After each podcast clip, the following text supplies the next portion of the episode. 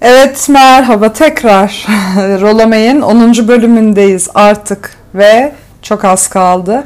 Terapide amaçlılık bu bölüm ve özellikle terapide 3 tane iyileşme evresine değinmiş. Dolayısıyla artık biraz da psikoterapistin gözünden bu olayın nasıl gerçekleştiğini, Rolomay'ın kişisel deneyimlerini falan okuyoruz. Ben bu deneyimleri paylaşmadım. Hastasıyla özel seansını ve seanstan çıkardıklarını falan anlatmış bu bölümde ama asıl değinmek istediği nokta orası değil ya da benim özetlemek istediğim nokta orası değil. Özetlemek istediğim noktada bol bol yine William James'ten alıntı var. Bu e, her bölümde karşımıza çıkıyor bu insan e, katkılarıyla Rollo savlarına.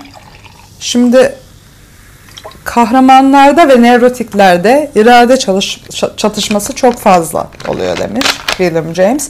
Ve James'in örneği o dört bölümdür değindiğimiz yataktan kalkıp kalkamayan adamın yataktan kalkmasının ve kalkmamasının aslında onun karakterine bir etkisi yok.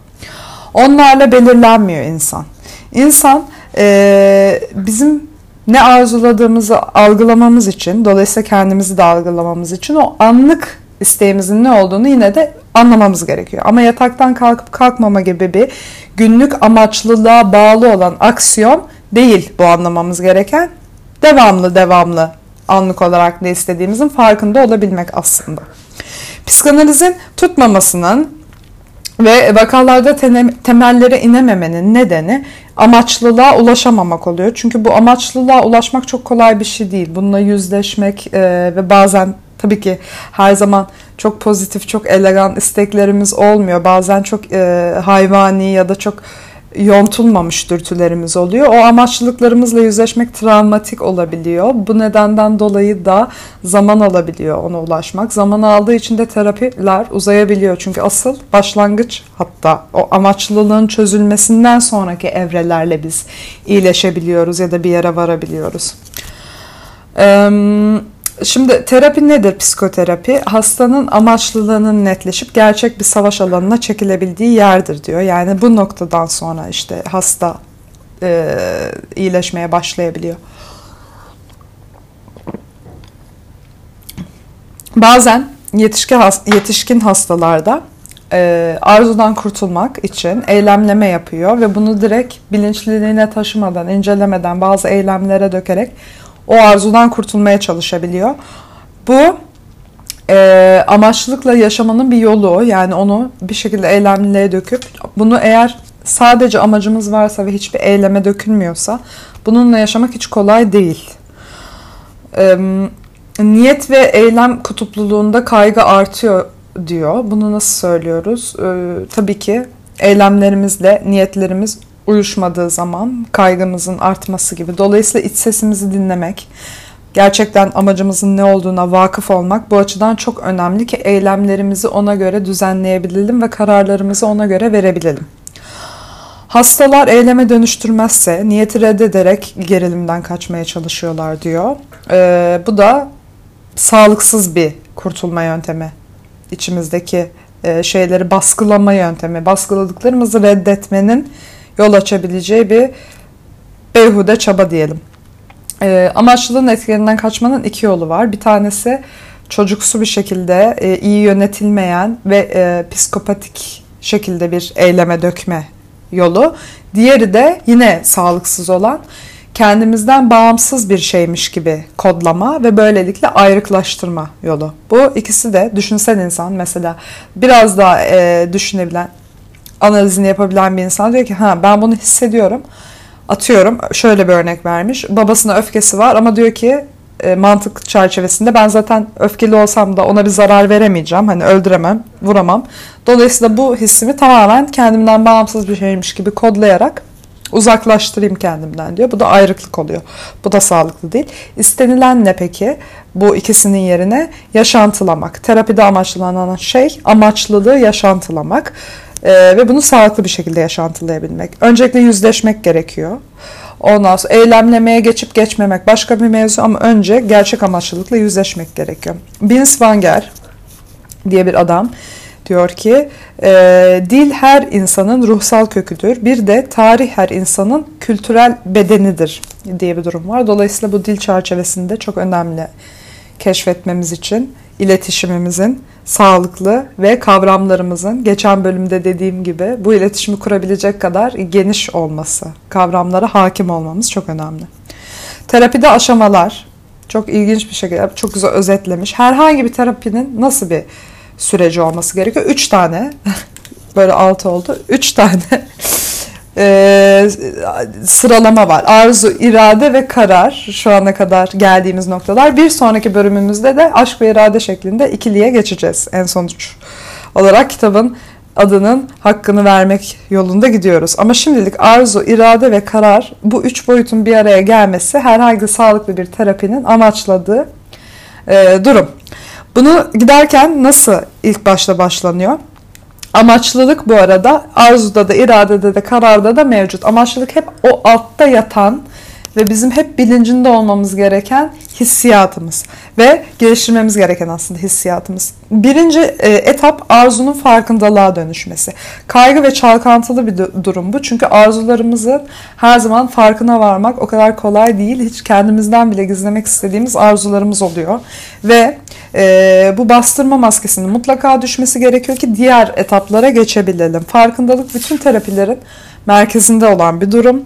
Wolp ve Skinner türü terapiler demiş. Bunlar e, davranış terapisi. Onlar şartlandırma ve aksiyonlarını başka bir aksiyona evirme yolu. Onu saymazsak, davranışsal terapileri saymazsak geri kalan terapilerin e, bütün özü farkındalığı öncelikli geliştirmek.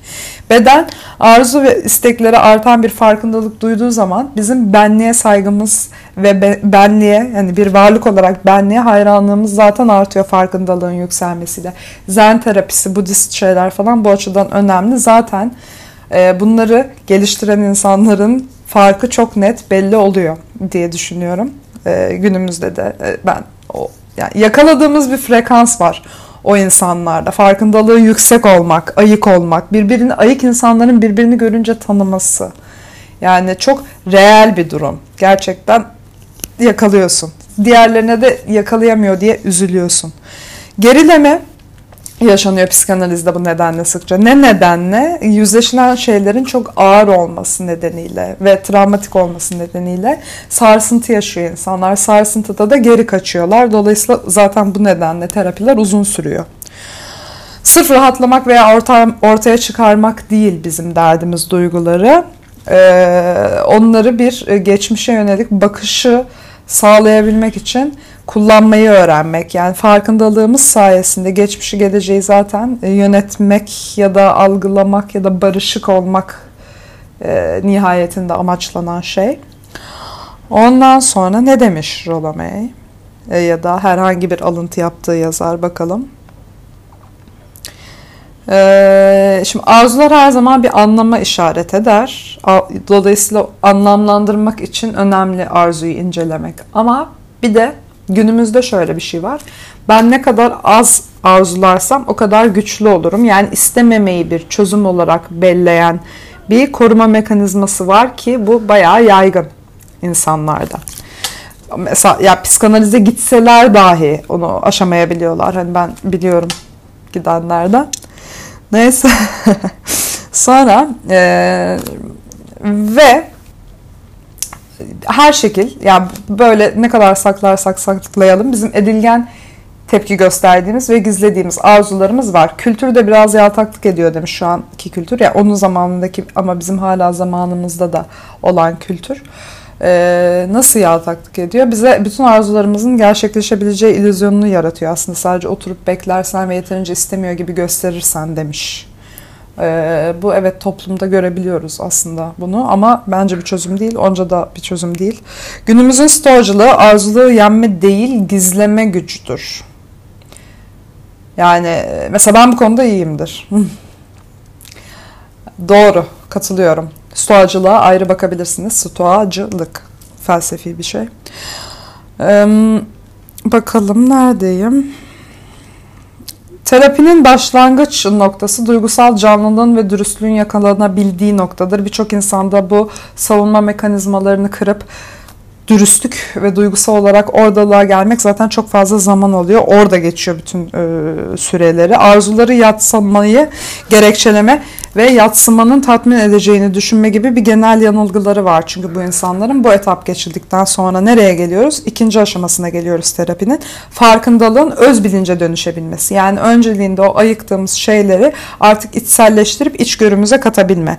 Consciousness birlikte bilmek demekmiş. Bu düzeyde hasta arzulayan benim diyor. Tamam arzularımı anladım ve bu insan benim. Kendisiyle dış dünya arasında bir relate edebiliyor.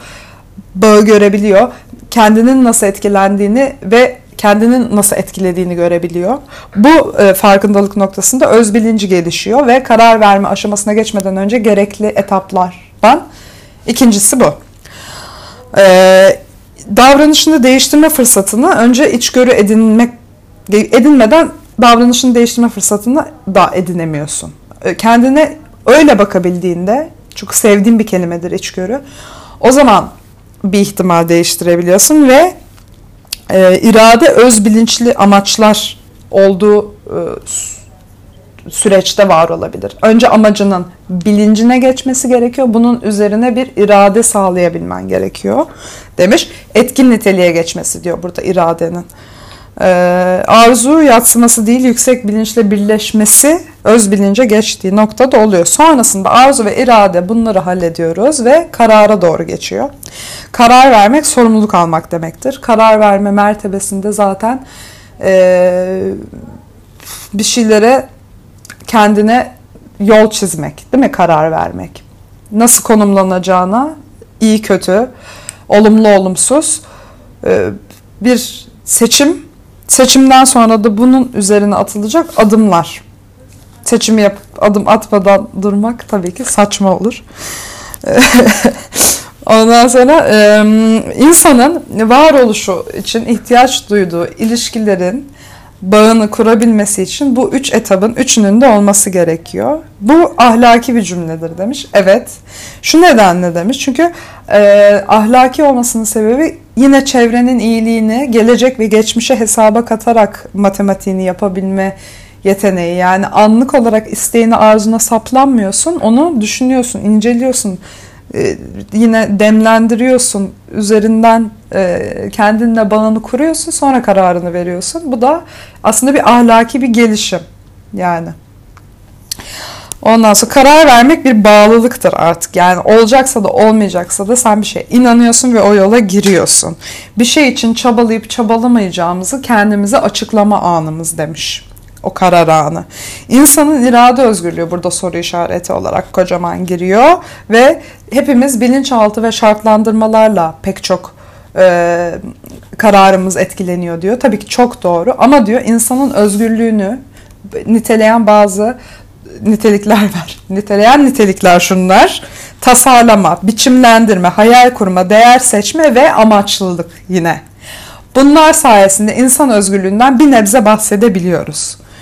Ee, Nietzsche kaderinizi sevin falan derken bu kader olayının tamamen bizden bağımsız bir şey olmadığını kastetmiş bizim kadere muhakkak bu kararlarımızla yani yarısı özgür olsun yarısı özgür olmasın ama etkisiz eleman değiliz kaderde.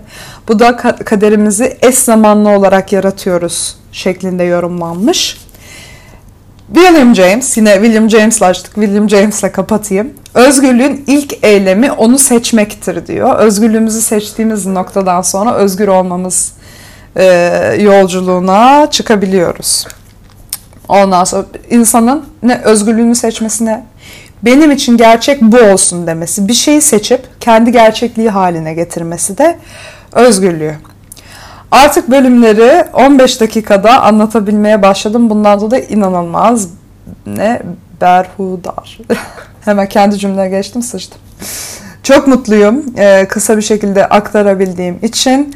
Dolayısıyla özgür bir birey olarak bütün herkese özgür bir yaşam diliyorum. Özgür değilseniz emin olun en büyük eksiğiniz odur. Öncelikle ele almanız gereken şey özgürlüğünüzdür.